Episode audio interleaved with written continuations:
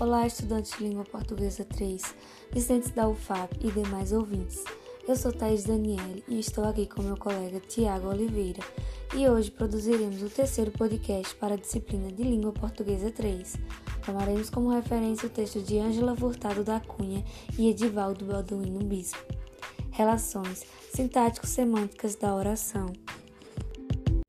Aqui vamos discutir o papel do predicador na organização da estrutura argumental da oração. Neste episódio, vamos tratar das relações entre o verbo e a organização estrutural da oração, mais especificamente dos verbos transitivos, aqueles classificados como transitivos diretos. Então, para começar, vamos falar sobre a linguística funcional norte-americana e sua análise da transitividade.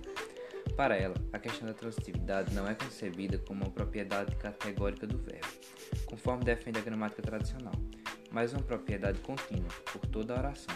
Assim, o grau da transitividade de uma oração depende da análise de 10 parâmetros sintáticos semânticos, que dizem respeito à quantidade dos participantes, ou seja, um participante ou mais de um participante.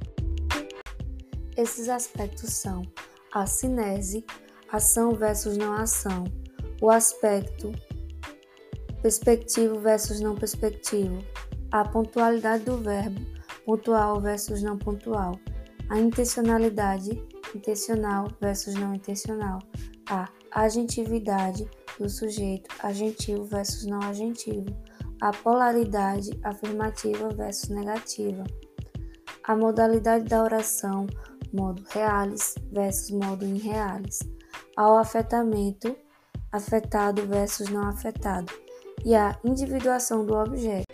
Uma oração transitiva descreve um evento que potencialmente envolve pelo menos dois participantes. Um agente, que é responsável pela ação, expressa sintaticamente como sujeito. Um paciente, que é afetado pela ação, representado sintaticamente como objeto direto. Esses dois participantes são chamados de argumentos do verbo. Do ponto de vista semântico, o evento transitivo, protótipo, é definido como uma propriedade do agente, paciente e do verbo envolvido na oração fica esse evento. A delimitação das propriedades desses três elementos é uma questão de grau. Do ponto de vista sintático, todas as orações e verbos que têm um objeto direto são transitivas, as que não têm são intransitivas. Desse modo, uma oração codifica um evento da oração e o paciente do evento é o objeto indireto da oração. Contudo, a manifestação discursiva de um verbo potencialmente transitivo depende de fatores pragmáticos, como a perspectiva a partir da qual o falante interpreta e comunica o evento narrado. Por exemplo, um evento pode ser transmitido do ponto de vista do agente responsável pela ação, como quando digo as crianças derrubam o jarro ou o jarro derrubado pelas crianças. O universo conceitual está dividido em duas grandes áreas que são elas: a primeira, o verbo, que é central e compreende estados e coisas, e os eventos, que dá nome e compreende as coisas, objetos físicos e abstrações codificadas. A centralidade do verbo pode ser justificada com base em alguns pontos listados por Chafé.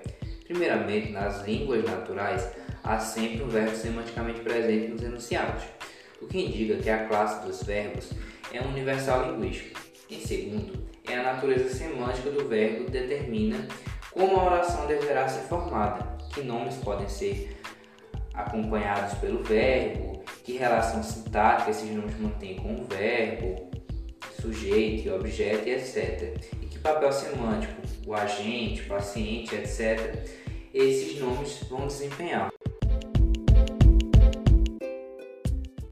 Os verbos que denotam ações realizadas por um agente representam os verbos protótipos, como partir, voar, comer, chorar e empurrar. Os verbos que se afastam do protótipo são aqueles em que o sujeito não desempenha um papel semântico de agente, como ver, morrer, cair, entender e saber. A propriedade fundamental dos verbos é que eles sempre vêm acompanhados de um ou mais sujeitos. Em português, são poucos os verbos que não cumprem essa exigência como aqueles que denotam fenômenos da natureza, chover, anoitecer e etc. Nos interessa aqui responder a seguinte questão: em que arranjos estruturais esses verbos ocorrem com mais frequência no discurso? Cuja análise permite verificar tendências recorrentes quanto à estrutura argumental. em relação ao predicado e seus argumentos, dos verbos transitivos, obviamente. Verificamos que a estrutura argumental desses verbos não é rígida, podendo se manifestar em diferentes configurações. Por exemplo, os verbos transitivos podem ser acompanhados por dois tipos morfossintáticos diferentes de objeto direto, o nominal ou o racional. Outra possibilidade é que o objeto direto pode não estar explicitado no texto, ou seja, o objeto direto negativo. Os verbos de ação-processo podem ser acompanhados de objeto indireto, além do verbo transitivo direto e indireto. A ocorrência de objeto direto nominal explícito é o padrão não marcado para todos os verbos transitivos. Na fala são 58%, já na escrita 76%. Dependendo do contexto de uso, o mesmo verbo pode ocorrer com objeto direto e explícito ou com objeto zero. Ouça o exemplo. É, ela tinha um, um, caso, né, com um homem que ele, ele trabalhava assim, mexia com drogas, não é? Um tráfico, um ladrão assim, né? E para conseguir o que ele queria, ele, ele matava, né?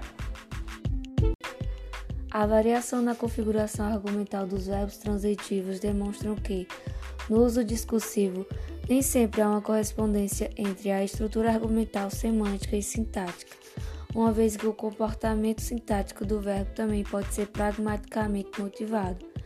Embora verbos em princípio impliquem a inexistência de um participante agente que afeta o estado ou a localização do referente em um argumento paciente, esse argumento pode não ser explicitado por motivos discursivos, pragmáticos ou cognitivos.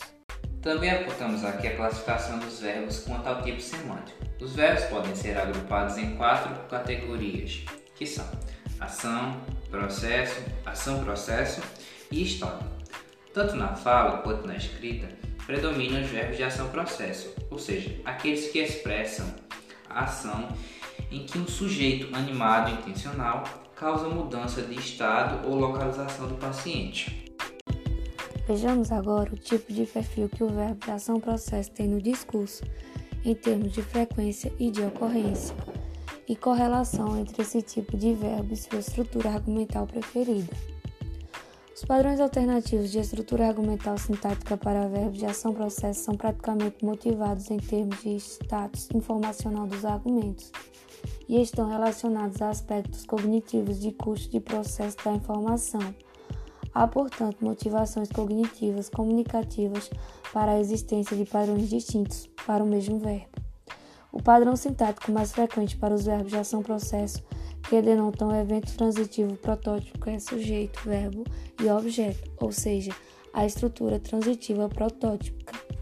Assim, observamos que a grande maioria das ações que são semanticamente transitivas são também sintaticamente transitivas. Os verbos de ação expressam uma atividade realizada por um sujeito agente, que não implica necessariamente um segundo argumento, como por exemplo os verbos brincar, rir ou os verbos de movimento, como ir e vir, que são complementos do sintagma preposicionado locativo. Por sua vez, o verbo de processo denota um evento que afeta um sujeito paciente portanto, também não envolve obrigatoriamente um segundo argumento, como acordar, morrer.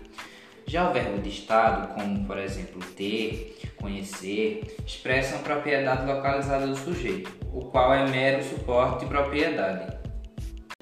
Já os verbos de estado, dada a ausência de dinamicidade que fazem parte do fundo da narrativa, caracterizam-se pela descrição dos estados, localização dos participantes e comentários avaliativos.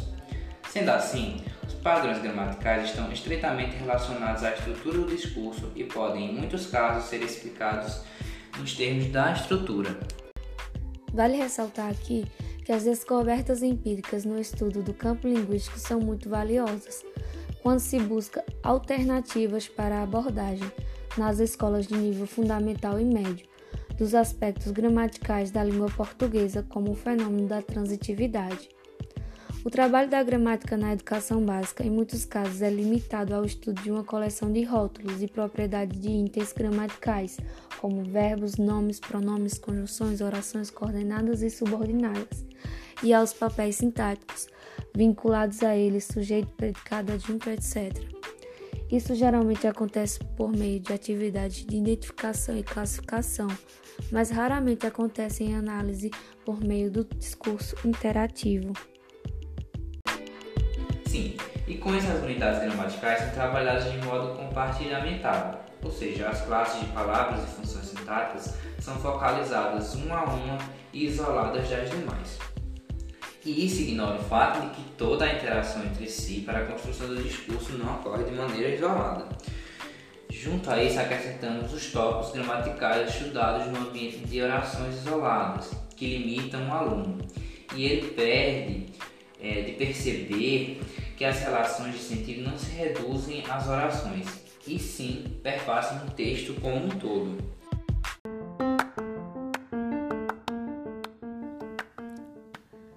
Enfim, pessoal, esse foi o nosso podcast. Agradecemos a todos os ouvintes e até a próxima.